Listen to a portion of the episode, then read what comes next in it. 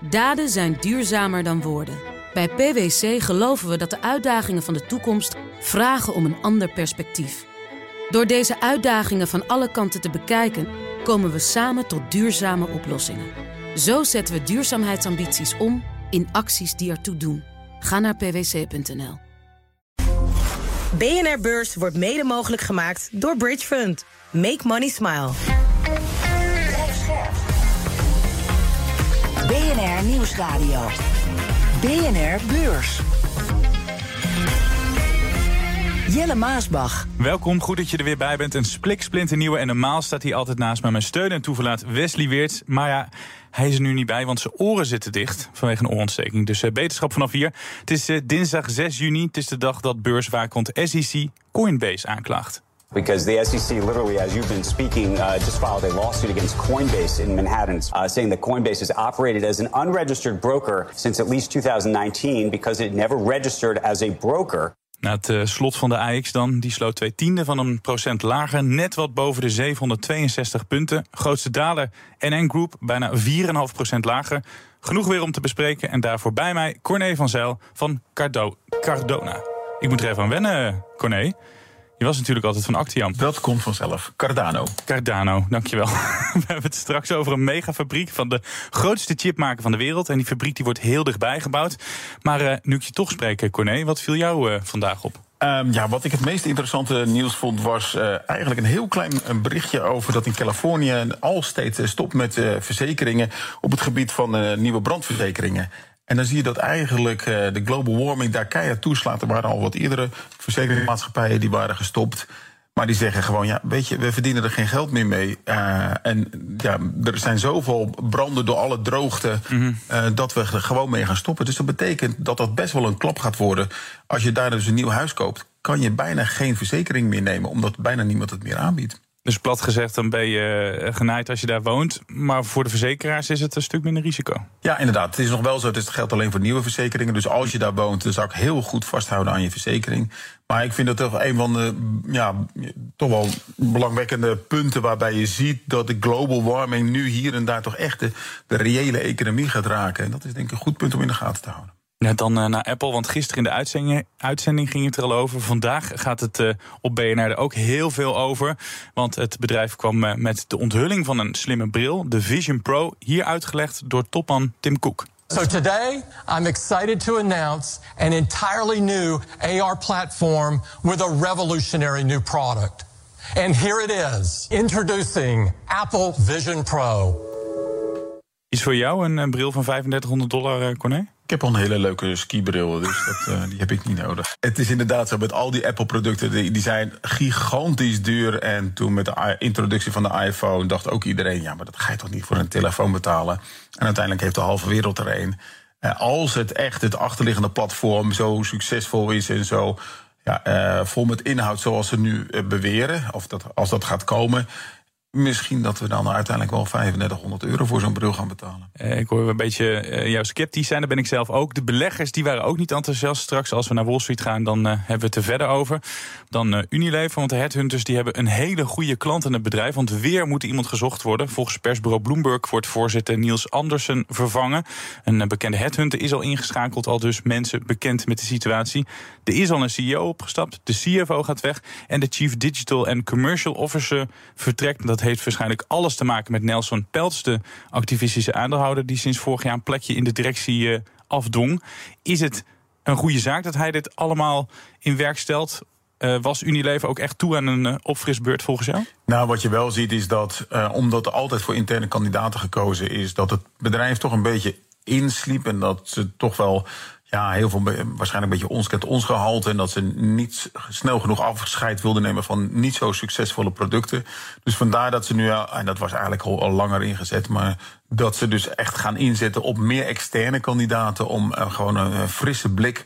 Uh, en nieuwe bezems uh, vegen schoon, zeggen ze altijd. Dus misschien meer nieuwe bezems, zodat het Unilever eindelijk schoongemaakt kan worden.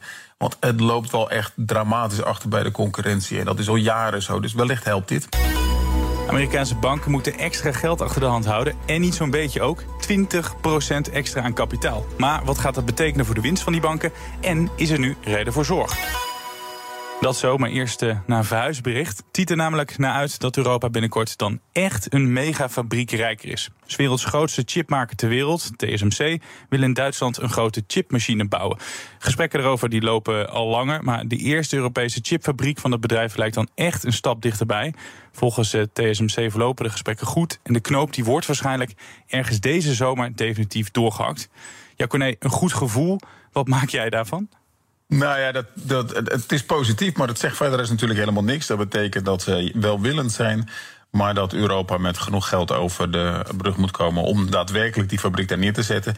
En dat is denk ik denk, wel essentieel. Um, en je ziet dat uh, al die chipfabrieken in iedere regio die wil zijn eigen chipmachines uh, neerzetten en zijn eigen chipindustrie ontwikkelen. En dus dat betekent dat aan die paar bedrijven die er zijn ongelooflijk getrokken wordt. Dus overal moet je echt een flinke zak met geld meenemen. En dat geldt voor de UK, voor Japan, mm -hmm. uh, voor delen Zuidoost-Azië en ook voor de Verenigde Staten. En iedereen trekt aan die bedrijven. Dus wat waarschijnlijk betekent dat overal die fabrieken staan aan te komen en dat er straks een enorm overschot is. Maar ja. Dan heeft ASML al die machines al verkocht. Eind vorig jaar waren die gesprekken al in een vergevorderd stadium. Voor mijn gevoel duurt het dan heel erg lang. Maar dat heeft dus met die mogelijke subsidies te maken. En die gesprekken op de achtergrond, eh, zeg jij. Ja, ik denk dat die subsidies echt cruciaal zijn. Nou, daar heeft uh, de Europese Unie ook een uh, potje van, van 43 miljard. Dus daar, moet, uh, daar is geld voor. En dat is denk ik wel, wel, wel cruciaal, want alle regio's bieden dat geld aan. En dan is ook de vraag, ja, wat gaan ze er precies neerzetten... en wat voor soort chips worden er mee gemaakt en zo. En, uh, en natuurlijk, welk land gaat die fabrieken hebben? Want daar zal onderling weer om gestreden worden. En dat is een, een nadeel wat, wat andere regio's niet hebben. Ja, laat ze maar niet horen in Brussel. Maar we zijn toch een beetje de slimiel als het aankomt uh, op die concurrentiestrijd. Want Amerika troeft ons af, heeft veel meer geld ervoor uitgetrokken. Wat kan uh, Europa doen om die spelen over de streep te trekken? Hoeveel miljard is er nodig? Nou, wij hebben zelf ja, dat is de grote vraag. en, um, wat wij natuurlijk wel hebben, is best wel veel industrie waar dat allemaal gebruikt eh, kan gaan worden. Uh, zoals de Duitse auto-industrie. Uh, en dat is denk ik wel een voordeel. Dat hier ook een heel groot gedeelte van je afnemers zitten. Dus dat hebben wij te bieden naast wat geld. maar voor de rest, ja, wij hebben. ons, ons grote nadeel is dat bij ons de lijntjes toch altijd wat langer zijn en er wat meer gediscussieerd moet worden dan bij andere gebieden waar er sneller de knopen doorgehakt kan worden. En dat is echt wel een nadeel. Ja. Maar er valt ook niet zoveel aan te doen. Hoe belangrijk is die komst eh, eigenlijk van TSMC naar Europa? Um, nou, ik vraag me af of het succesvol kon, zal zijn, omdat al die uh, regio's overal willen ze hun eigen chipsector opbouwen. En dan betekent dat meestal, als het met veel politiek geweld gaat, dat de uitkomsten in ieder geval winsttechnisch teleurstellend zullen zijn. Maar voor de opbouw van de industrie is het denk ik wel van belang dat je uiteindelijk je eigen ja, regio hebt of je eigen industrie hebt die dat zelf kan ontwikkelen allemaal. En dat je dus niet afhankelijk van, van, van China bent of van andere regio's.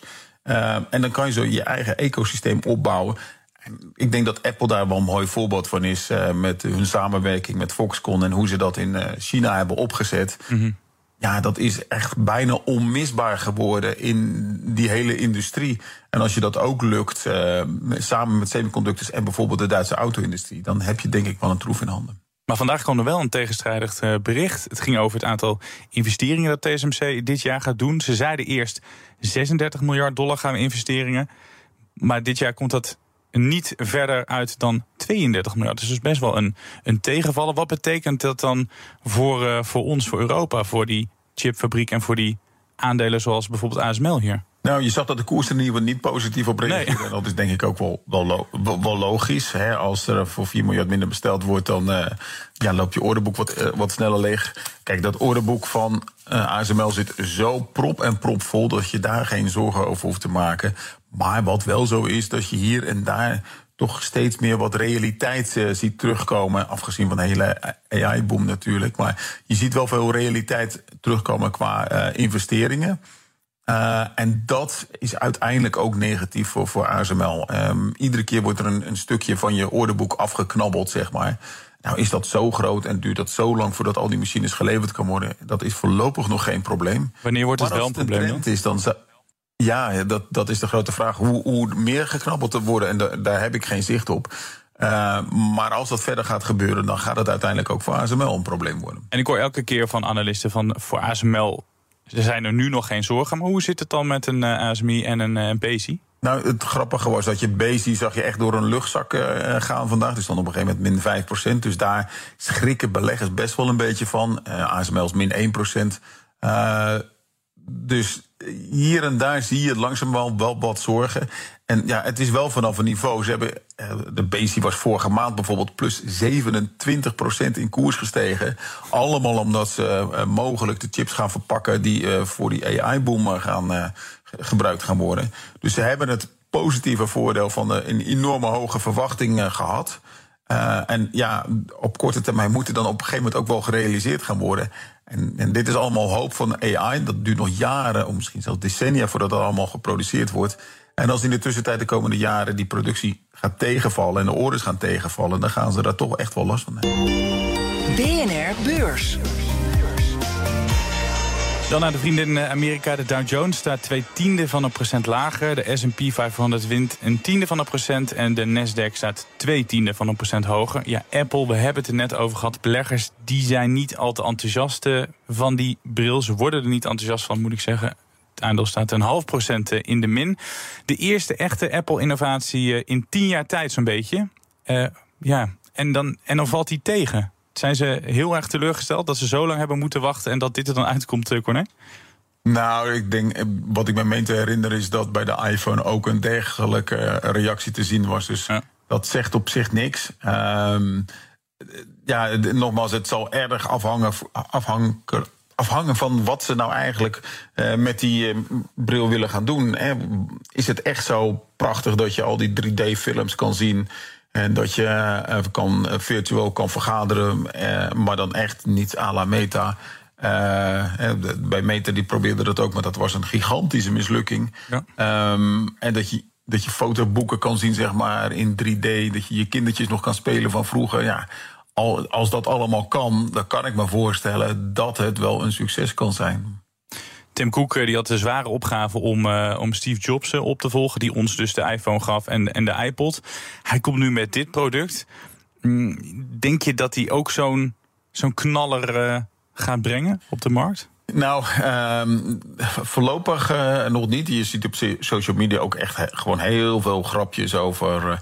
ja, je gaat toch geen drie jaar maandsalarissen betalen voor een, een sneeuwbril. Dat, en, maar ja, dat is op zich zegt dat natuurlijk niet zoveel of dat er daadwerkelijk verkocht gaat worden. Die iPhone was in het begin ook sterrenverstuur. En uiteindelijk, eh, zelfs ik eh, praat nu met een iPhone. Dus wat dat betreft zegt dat niet zoveel. Um, en ja, het is maar één, één product natuurlijk. En het kan natuurlijk een knaller worden. Maar ja, nogmaals, dat hangt heel erg vanaf of, of de, de achterkant ook aan de verwachtingen voldoet. Uh, je kan wel zo'n zo'n bril kopen nu, maar eigenlijk kan je er nog bijna niks mee. Dus het zal daar echt van afhangen dat het ecosysteem daarachter uh, voldoende gevuld is. Uh, en dan zullen mensen wel bereid zijn om hem te kopen. Maar ik denk dat dat voorlopig nog niet het geval zal zijn. Ik wil nog even een ander aandeel eh, eruit pikken waar ik het eerder in de uitzending over had. En ik zie hier nu de koers van eh, crypto-platform Coinbase 13,5% naar beneden. Dat zou de beursregels hebben overtreden. Diensten aanbieden, maar dan zonder de juiste papieren. En daar hebben ze volgens de SEC miljarden mee verdiend op een illegale manier. Nou, dan krijg je dus zo'n uitslag eh, naar beneden. Gisteren trouwens werd ook al Binance aangeklaagd. Denk jij dat ze met een kruistocht bezig zijn tegen die, die crypto-bedrijven? Want het is wel opvallend dat ze er nu zo vol bovenop zitten, hè? Die, die, die rond. Ja, en dan, ik denk wel dat ze met een kruistocht bezig zijn. En de, de grote vraag is waarom ze dat doen. Is het om die klanten te beschermen? Omdat ze daadwerkelijk uh, die regels overtreden en daarmee het belang van de klanten uh, gewoon kunnen schaden. Mm -hmm. bij Binance hebben ze duidelijk aangegeven dat ze met eigenlijk dezelfde problemen zaten als de andere platforms die natuurlijk uh, genadeloos onderuit zijn gegaan. Dat ze ook uh, assets van klanten combineren en daar weer dingen mee doen. Ja, simpelweg, dat, dat mag gewoon niet. En dan overtreed je de regels. Het heeft ook met te maken dat sommige van die onderliggende crypto's nu echt als assets worden gezien. Op zich is dat denk ik een pluspuntje voor de hele cryptomarkt. Maar het betekent wel dat je dus aan die regels moet voldoen. En als je daar dus niet aan voldoet, dan word je dus ook genadeloos aangepakt. En ja, in, in de gewone beleggingswereld weten we wel dat je moet de SEC niet tegen je in hebben, want dan heb je wel een probleem. En dat merken deze bedrijven nou ook. Ze wilden bij de grote mensenwereld horen. Nou ja, daar horen ook grote mensenregels bij. En als je daar niet aan houdt, dan uh, zul je op de bladeren moeten, zitten, bladeren moeten zitten. BNR Beurs. Van grote mensen naar grote banken, Amerikaanse banken in dit geval. Want net als hier in ons land moeten die meer buffers gaan aanhouden. Dat meldt de Wall Street Journal. Strenge regels gelden op dit moment alleen voor Amerikaanse banken met een balans van 250 miljard dollar. En dat zou al vanaf 100 miljard dollar moeten gaan gelden. Is dat een uh, goede zaak volgens jou dat de regels worden aangescherpt? Ja, nou dat lijkt mij wel. Maar dat is eigenlijk gewoon het terugdraaien van de versoepeling die Trump uh, destijds in 2019, meen ik, uh, heeft doorgevoerd. Mm -hmm. voorheen gelden die regel, regels ook voor de kleinere banken. En Trump vond het allemaal niet nodig, die regels. Dus heeft hij die laten varen. Nou, daar hebben we dus deze bankencrisis aan te danken. Of dat is een van de redenen in ieder geval. Dus ik, ik vind het goed dat ze daar deze regel eigenlijk weer terugdraaien. En dat die banken dan uh, ook nog eens een keer hogere buffers uh, moeten gaan aanhouden, betekent wel uh, dat het impact op de economie heeft. Op het moment dat je dus als bank meer eigen vermogen moet aanhouden, betekent simpelweg dat je ook minder geld kan uitlenen. En dat betekent dus dat het dus slecht voor de economie is. Hoe minder geld er in de economie gepompt wordt, ja, hoe minder die economie groeit. Uh, en zeker een Amerikaanse economie die dus echt op schuld gedreven is, zal er best wel wat last van, van hebben. En dat, dat zie je hier en daar al. Dat uh, bijvoorbeeld de onroerend goedsector heeft daar nu al veel last van. En er zullen ook andere segmenten die flink gefinancierd zijn, best wel veel last van gaan krijgen. En ik dus dacht, dat wordt een probleem voor de economie. Ja, je zegt uh, probleem voor de economie. Ik weet dat de Fed de economie wil laten afkoelen. Of is dit te erg een handrem trekken? Nou, ik denk dat het. Uh, ja, beide hebben ze hetzelfde effect. En de Fed heeft er ook al over gesproken dat de bankencrisis ertoe leidt. Uh, dat uh, de credit conditions, de, de kredietcondities, dus, dus aan het verslechteren zijn. En dat heeft op zich ook al een remmende werking. Dus de, de Fed is zich erg van bewust dat zij op de voetrem drukken. En dat iemand anders ook de handrem aantrekt. Uh, dus daar, daar houden ze wel rekening mee. En ze kijken echt wat, wat de effecten zijn van die, van die handrem die erbij uh, aangetrokken wordt. Maar toch, dit is een ingreep bij de Amerikaanse banken. Maar die heeft grotere gevolgen ook voor anderen, voor de hele Amerikaanse economie. En dus ook als je Amerikaanse aandelen hebt. Ja, inderdaad. En ik denk dat je vooral een beetje zorgen moet maken als je bij bedrijven zit die flink, uh, flinke schuldenlast hebben. Uh, want die zullen wat minder makkelijk aan schulden kunnen komen. Dus dat betekent dat hun voortbestaan mogelijk onder druk komt. Nou, dat zie je dus al in de onroerend goedsector. En dat betekent ook dat ze hogere rentelasten moeten gaan betalen. Want ja, als er minder kapitaal beschikbaar is dan, en de vraag blijft gelijk, dan gaat de prijs omhoog. Oftewel moeten ze meer rente gaan betalen. Bovenop de standaardrente die de Fed zelf al omhoog heeft gebracht. Dus dat betekent dat er een flinke kostenpost voor al deze bedrijven gaat komen. Zeker als ze kort gefinancierd zijn. Gelukkig voor de meeste bedrijven geldt dat ze wel zo slim zijn geweest toen die rente zo laag was. Dat ze de rente, de, ja, die rente heel erg lang hebben vastgelegd. En dat waren met name de wat veiligere bedrijven die dat hebben gedaan. Ja. Nou, en dat geeft dus aan dat veilige bedrijven ja, zijn dus nog steeds veilig. Maar die risicovolle bedrijven zijn veel risicovoller geworden. Wat zijn dan bepaalde Amerikaanse aandelen of namen of, of, sectoren die zo bij je te binnen schieten, waar je dan als belegger misschien waar een beetje bij moet wegblijven? Nou, wat je vooral ziet is bij high yield en bij private uh, equity. Uh, daar zie je vooral dat die uh, private equity ja, wilde zoveel mogelijk rendement op eigen vermogen maken. Dus dan moet je heel, vreemd, veel, heel veel vreemd vermogen invoeren.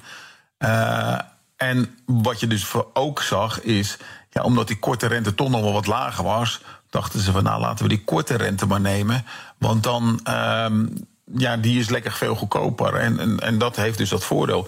En je ziet dat de eerste uh, bedrijven al onderuit gaan. Er is een, een, een prachtig voorbeeld uh, afgelopen maand van KKR. Een van de deelnemingen die deed in. Uh, en dat is een uitzendbureau voor artsen, Envirion. En dat is failliet gegaan. Ja, niet omdat er nou opeens zo weinig vraag naar artsen is. Uh, ja, dat zeggen ze zelf wel. Maar dat komt natuurlijk gewoon omdat er zo'n verschrikkelijke schulden op die bedrijf zat. Of dat het bedrijf zat. En de schulden, de rente dus ook omhoog ging. Ja, dat uh, het bedrijf daardoor failliet ging. En dat, nou, je, je weet, tenminste, je kan je wel voorstellen dat de vraag naar artsen is niet afgenomen. Dus dat bedrijf moet operationeel best wel goed draaien. Dit was de dag eh, van vandaag. Laten we eens kijken wat er morgen allemaal op de agenda staat. Op deze dag weten we hoe het met de Chinese export is gesteld. Ook publiceert de OESO haar nieuwe vooruitzichten voor de wereldeconomie. Want wordt de economie geraakt nu de fabriek van de wereld hapert. Het opheffen van de strenge coronaregels leidde in China voorlopig alleen in het eerste kwartaal tot een spectaculaire groei. Daarna kwam de klad erin.